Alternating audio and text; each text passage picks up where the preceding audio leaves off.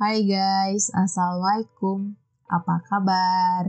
Nama aku Rizka, mahasiswa teknik semester 6. Di sini aku bakal sharing sedikit tentang pengalaman pribadiku sewaktu ospek dulu di tahun 2018. Sebelumnya, kenalin dulu, aku kuliah di salah satu perguruan tinggi negeri di Jawa Barat, tepatnya di Politeknik Sekolah Tinggi Teknologi Tekstil Bandung.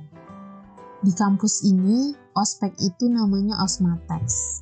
Panjangannya, orientasi mahasiswa tekstil. Osmatex ini terdiri dari tiga bagian, yaitu yang pertama, ada pengenalan kampus yang dilaksanakan di kampus selama tiga hari. Yang kedua, bela negara, yang dilaksanakan di sekolah calon bintara selama lima hari dan yang ketiga, jambore tekstil yang dilaksanakan di salah satu daerah dataran tinggi di Jawa Barat, tepatnya di Pangalengan. Jadi teman-teman, menurut aku dari ketiga bagian ini yang paling berkesan yaitu ketika melaksanakan bela negara di sekolah calon bintara. Karena kita dididik dan dibina langsung oleh TNI jarang banget kan momen kayak gitu. Ya udah langsung cerita nih ya. Kalau pengenalan kampus sama kayak kampus lainnya. Ya kegiatannya itu ya yang menambah wawasan kita tentang kampus. Kayak ada keliling kampus pengenalan organisasi terus juga kita ada masuk ke labor, ngeliat beberapa mesin, terus nanti kita tugas ada tugas individu dan tugas kelompok. Biasanya kalau tugas individu kita ada disuruh ngeresum tentang apa yang terjadi di hari itu. Dan tugas kelompok biasanya kayak ada bikin yel-yel, bikin video vlog, yang kayak gitu deh sama mungkin kayak kampus lain. Terus juga kegiatannya ada juga yang sama kayak waktu kita mos di SMA dulu. Next langsung aja ke bela negara yang kita laksanain di sekolah calon bintara. Jadi waktu itu dilaksanakan lima hari. Bayangin guys lima hari nah di hari pertama kami harus udah ada di kampus setelah subuh. Subuh guys subuh. Jadi mandinya tuh sebelum subuh. Karena di kosan dari sekian banyak kamar kamar mandinya cuma satu. Jadi mau nggak mau harus pagi banget. Dan setelah itu berangkat ke kampus setelah sholat subuh untuk seragamnya, kami waktu itu diwajibkan memakai baju kaos polo berwarna putih, celana PDL berwarna hitam, jilbab segi empat warna putih, dan topi rimba berwarna hitam. Oh iya, sepatu warna hitam polos sebelum keberangkatan kita kumpul dulu di lapangan. Kita dipersilahkan untuk sarapan terlebih dahulu, cross check barang-barang yang kita bawa, mungkin ada sesuatu yang harus kita bawa tapi ketinggalan kan. Jadi kita harus cross check dulu. Nah, langsung aja deh berangkat. Nah, sesampainya kita ada acara pembukaan. Acara pembukaannya ini upacara. Dan waktu itu lagi panas banget guys. Untung aja kita pakai topi rimba. Lumayan lah kan ya. Nah setelah upacara kalau nggak salah kita makan siang. Nah di sini udah mulai nih guys. Jadi makan siangnya ini kita harus dalam kayak sholat tuh harus ada bersoft gitu. Jadi saat dua soft gitu lah jadi kita berhadapan sama temennya. Terus harus jajar banget. Makanan kita tuh harus jajar. Jadi waktu itu ada kayak dipilih salah satu di antara kita untuk menjadi pemimpin. Dan waktu itu kalau nggak salah aku yang kebagian mimpin untuk ngelurusin barisan kita dan makanan yang mau kita makan harus dibariskan juga guys. Nah next. Setelah makan kita pindah posisi. Jadi waktu itu sambil bawa barang setelah sholat zuhur kita pergi ke tempat penginapan gitu. Jadi waktu jalan ke sananya kita melewati jalan kayak hutan terus kayak pendakian gitu. Dan kita selama jalan kita harus nyanyi dong. Kita harus ngeyel-yel dan sedangkan itu kita udah capek banget gitu. Dan karena kita udah capek suara kita kan mengecil kan. Terus jadi ada pengawas dari kampus yaitu menwa resimen mahasiswa.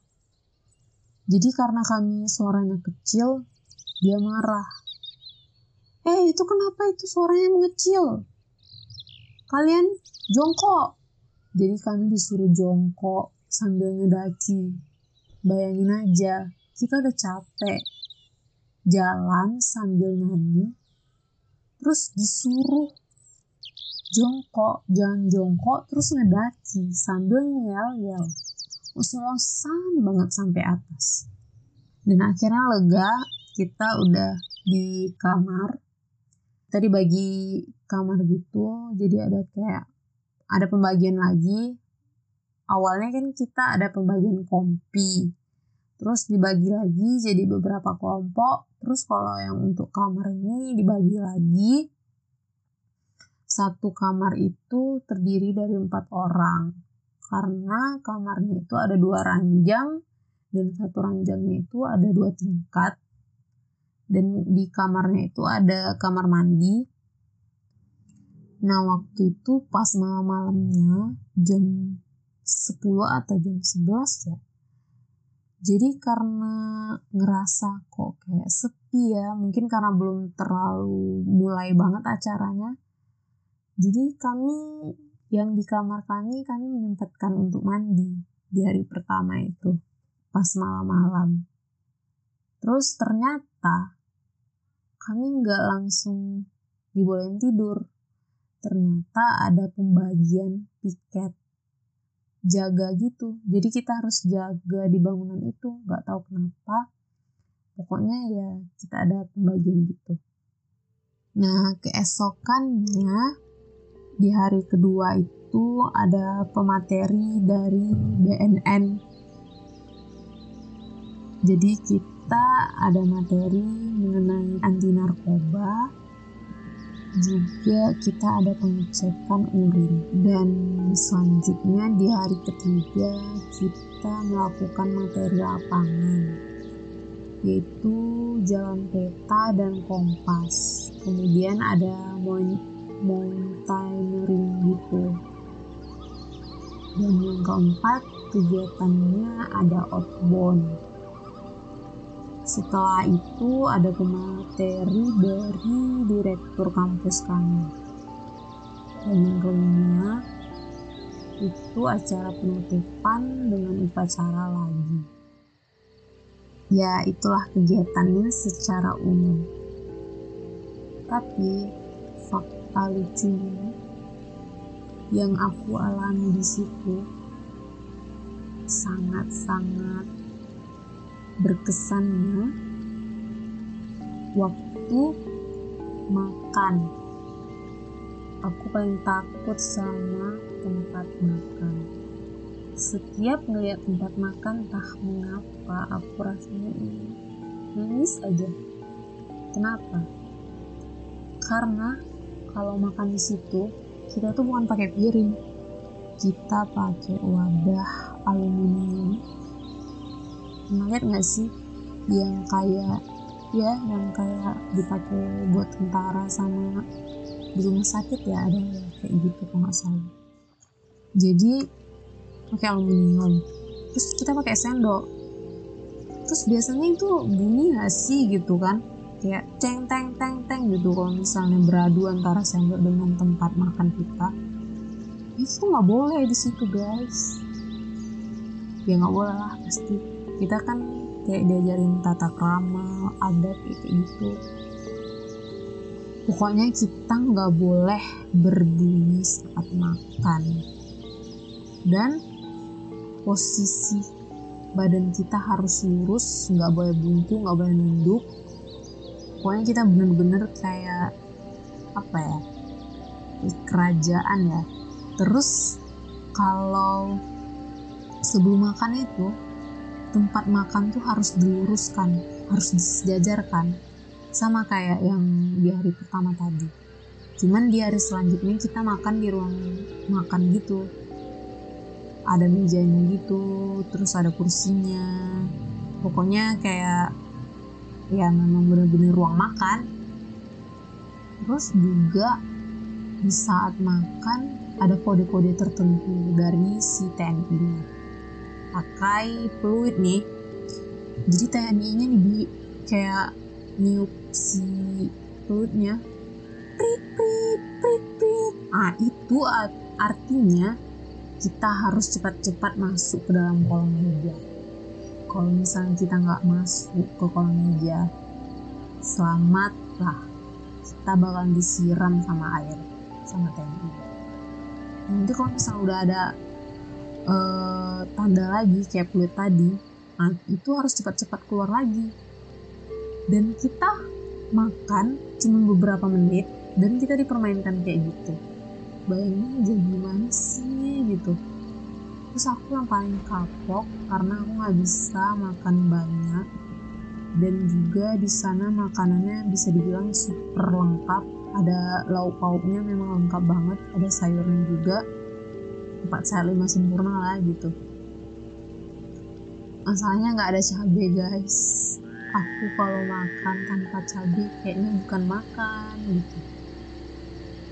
Jadi memang benar-benar tersiksa aku kalau makan sana pokoknya setiap keluar dari tempat makan tuh kayak mulut aku masih kayak gembul masih terisi penuh sama nasi. Terus air mataku udah mengalir dan makanku pun belum beres belum selesai. Itu untungnya gak ketahuan sama TNI ini. Dan hari ketahuannya itu pun tiba. Dan saat itu bener-bener apes banget. Disuruh maju ke karpet merah. Memang bener karpet merah sih. Jadi ada sekitar empat orang. Dari 300 orang kami cuma berempat dong yang gak sanggup ngabisin. Sebenarnya gak sanggup ngabisin gimana gimana ya. Orang lain pasti ada juga cuman kawannya mau ngebantuin. Ngebantuin ngabisin makanannya. Nah apesnya ini kami nggak dapet teman yang di samping yang nggak mau bantu gitu. Jadi waktu itu kami disuruh maju disuruh nyampurin kasih sama makanan kami tadi dan suruh makan lagi. Sambil dibentak-bentak. Dan ini tuh sambil dibentak-bentak terus ngerasa gitu lah getarannya karena kita duduk gitu kan. Kalau kawan-kawan yang lain sih mereka pada nangis. Karena mungkin gak biasa dibentak-bentak terus juga karena makanannya dicampur kan kayak jijik aja gitu.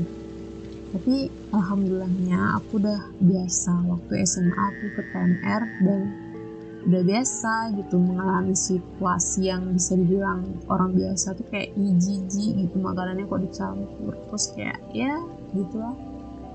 Padahal aku tuh setiap hari selalu memikirkan bagaimana caranya aku bisa makan dengan cepat dan harus habis. Dan hari terakhir lah aku baru bisa ngabisin makananku dengan teknik yang tepat. Jadi tekniknya gini guys. Kalian harus ada sayur yang berkuah. Kalian campurin ke nasi kalian dan makannya jangan dirasain ditelan aja guys dan kebetulan waktu itu lauknya ada ikan. Dan aku waktu itu nggak bisa sembarangan makan ikan. Dan akhirnya waktu itu aku kasih ke teman aku yang samping. Kebetulan ada cowok. Dan biasanya cowok itu makannya lebih banyak dari dan alhamdulillah aku habis guys. Dari sekian hari itu aku baru sekali berhasil padahal dalam lima hari itu ada tiga kali makan. Pagi siang dan malam. Dan juga dari pagi menjelang makan siang itu ada snacknya guys. Dan itu juga diwaktuin. Harus dalam waktu sekian tuh harus habis. Pokoknya parah lah. Terus juga sewaktu kami udah jadi mahasiswa ini kami cerita cerita gitu dan ternyata ada juga yang nggak bisa ngabisin makanannya. Dan caranya mereka supaya nampak makanannya itu habis ternyata waktu kita disuruh masuk ke dalam meja mereka kayak menggenggam gitu berapa genggam yang bisa didapat dari nasi atau apanya gitu tanpa sepengetahuan menwa atau TNI-nya dan mereka masuk ke kolong meja terus mereka kantongin tuh makanan bayangin kalau aku sih kayak jorok aja gitu pulanya kita nggak ada mandi kan nggak ada mandi lagi setelah yang hari pertama karena curi-curi waktu juga Nah, waktu itu juga ada dikerjain sih temen. Jadi waktu itu ada ikan, terus si Teninya nanya, ikan hidupnya di mana? Eh, ada yang jawab, di air. Langsung dong si Teninya nyuruh, iya masukin ikan kamu ke air katanya. Ya dong, diturutin. Terus juga ada lagi nih kawan aku, dia nggak nggak tau ya. Dia tuh memang katanya nggak ada makan nasi seumur hidupnya. Entah apa nggak tahu. Memang ada juga orang yang kayak gitu. Dan karena di bela negara di situ tuh dia dipaksa makan nasi dan akhirnya dia bisa makan nasi guys. Hebat banget sih. Banyak perubahan yang bisa didapat di situ. Kita jadi cepat karena semua itu pakai waktu. Jadinya memang benar-benar kita tuh disiplin. Dan yang paling berkesannya lagi sih waktu malam terakhir ya. Jurit malam gitu kalau nggak salah namanya jadi malam malam-malam itu kami ada disuruh berpasangan dua orang dan masuk ke hutan melewati pos-pos gitu. Nah sebelumnya kita kasih dikasih perbekalan. Kayak semacam tentara tuh kita kayak harus tahu loh kode-kode yang tidak diketahui sama musuh kita. Jadi kita tuh harus tahu yang mana ini nih sekutu kita dan mana yang bukan sekutu kita gitu. Jadi waktu itu ada pos-pos jadi berdua berdua doang masuk dalam hutan. Dan waktu itu nggak diperkenankan pakai senter sih. Tapi temen aku dia bawa senter. Jadi aku bilang eh lu bawa senter? Bawa kita pakai aja kata aku kan. Ya udah oke. Okay. itu sambil jalan sambil ngerangkul ngerangkul dia.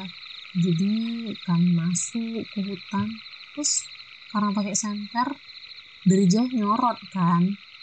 Terus aku nampak dong ada yang ngegantung di pohon warna putih dan spontan langsung kayak terdiam dan oh my god paling gak suka nih diginiin. Dari jauh dan nampak lagi.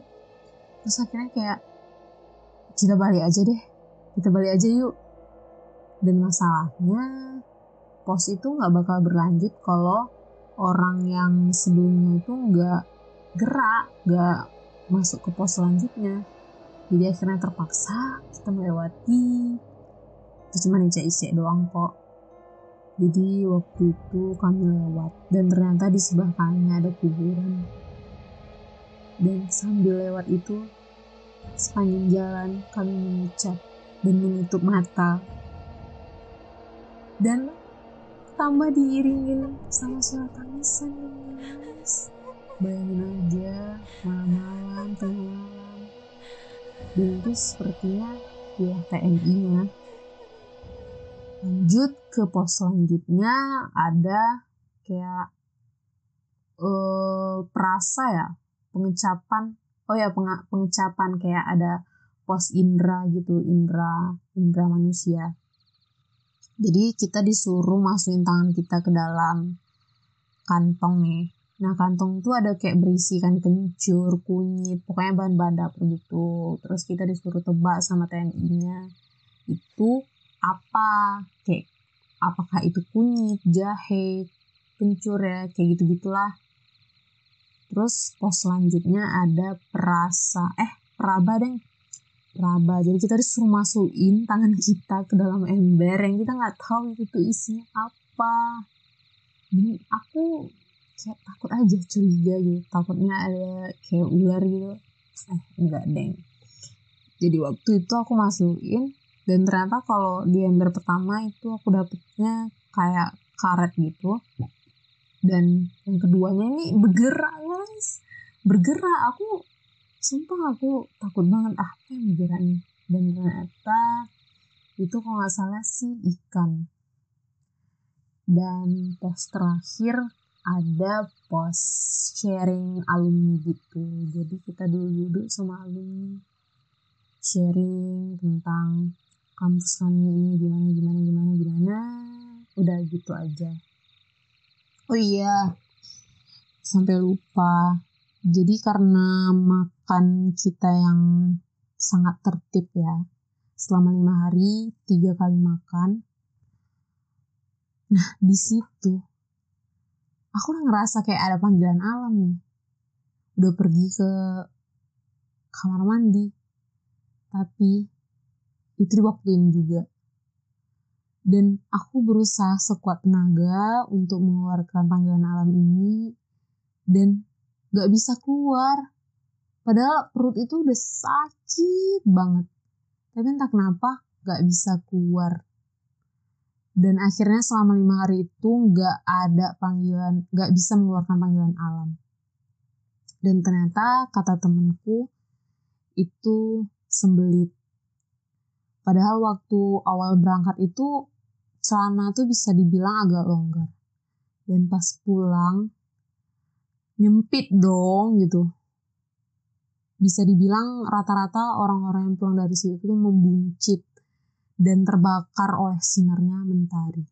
Terus apa lagi ya? Paling yang seru nih, bukan seru sih sebenarnya. Pengalaman juga pernah tuh kami dibangunin dibangunin pakai bom.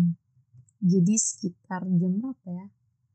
Sekitaran jam 3 atau jam 4 gitu. Padahal kami tidur tuh udah malam banget. Dan ya tidur tuh cuma 2 atau 3 jam lah di sana. Itu pun tidurnya serius nggak tenang banget. Kami aja tidak ada melepaskan satupun atribut dari badan kami. Bahkan sampai paling cuma sepatu doang kos kaki nggak dilepas sepatu nggak dilepas kerudung nggak dilepas. Pokoknya cuma sepatu doang. Supaya kalau sepatu kan tinggal nyorong doang nantinya kalau misalnya bangun. Tidur pun padahal kan itu oh iya lupa. Jadi waktu setelah hari pertama tuh kan itu di tempat penginapan. Nah di hari yang keduanya itu kami pindah tempat lagi kami tidur di barak itu di barak TNI jadi dalam satu ruangan gede tuh semua tuh isinya ranjang semua. Jadi tuh kayak ada puluhan orang gitu. Dan satu ranjangnya tuh dua tingkat. Nah itu aja saking karangan siaga. Jadi siap siaga supaya kalau misalnya ada panggilan langsung caw gitu kan. Bahkan temen aku nggak mau tidur di atas. Jadi dia kami tidur di satu ranjang yang di bawah gitu. Jadi waktu itu dibangun pakai bom boom gitu. Jadi kan langsung lari langsung spontan dong. Habis bangun tidur langsung nyorongin sepatu langsung lari keluar dan itu tuh harus langsung pasang posisi siaga kayak mau perang aja gitu kayak apa ya posisinya tuh kayak cicak terus di rumput-rumputan dan itu jam 3 atau jam 4 gitu dingin dingin begitulah guys. Bahkan bau badan kami itu udah kayak menyatu dengan alam. Ya semua bermanfaat. Terus ini ada lagi kayak kita diajarin cara melipat pakaian yang efektif sama TNI kayak mana rapi itu gimana lebih rapi itu gimana gitu udah itu paling paling itu aja ya. Kalau yang cerita di dalam negara agak lupa sih kalau mau cerita yang kayak gini. Jadi maaf ya kalian bisa tanya lagi aja nanti kalau misalnya kurang jelas ceritanya. Nah, kita lanjut ke jambore tekstil. Nah jambore tekstil ini kita ke dataran tinggi. Nah itu sumpah kayak pergi ke gunung ya bisa dibilang. Dingin banget di situ asli. Nah itu kita tidurnya di tenda. Di tenda yang gede dan tidurnya tuh kayak kayak ikan asin yang dijemur gitu. Jadi bersusun gitu kan. Nah itu paling jam teks itu yang yang berkesan bagi aku ya cuacanya. Sumpah ya sampai tiga lapis apa ya? Empat lapis. Udah pakai dua jaket. Udah berapa lapis kayak gitu? Masih dingin parah. Apalagi malamnya nih. Aku tuh ngolesin pakai balsem. Bayangin aja. Itu masalahnya balsem ini panas sih panas. Tapi setelah itu dingin juga kalau kena angin salah juga sih pakai balsem nah setelah itu yang berkesannya lagi waktu di kamar mandi sih.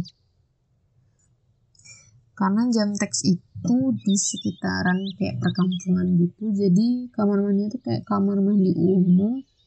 Entah kenapa kamar mandi itu untuk yang BAK nya ini untuk buang air ini cuma ada pancoran tapi nggak ada bak nggak ada timba bayangin aja guys. Gimana coba gitu?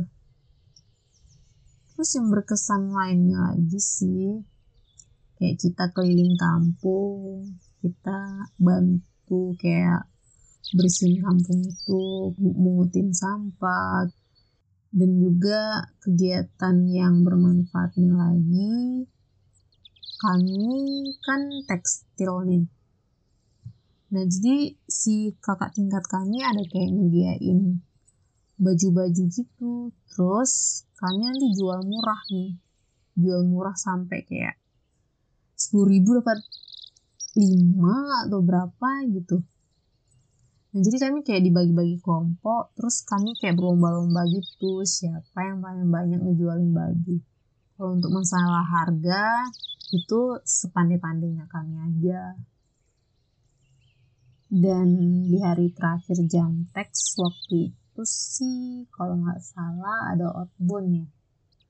Nah di outboundnya ya seperti biasa lah ada sedikit tidak senangan dengan kakak tingkat.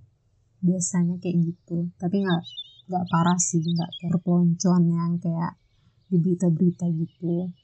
Masih bisa dibilang it's okay lah gitu. Tapi ya memang kayak gitu adanya juga. Ya udahlah sekian dulu ceritanya teman-teman. Maafkan aku yang ceritanya belepotan karena jujur baru kali ini aku cerita kayak gini ngerekam kayak gini. Biasanya kalau misalnya langsung cerita ke orangnya sih biasanya lebih ekspresif dan ya kalau untuk kayak cerita lewat audio gini sih kayaknya terbatas ya aku udah nyeritain kayak asik gitu belum tentu yang di pendengaran kalian asik kan? Ya mohon maaf juga sih.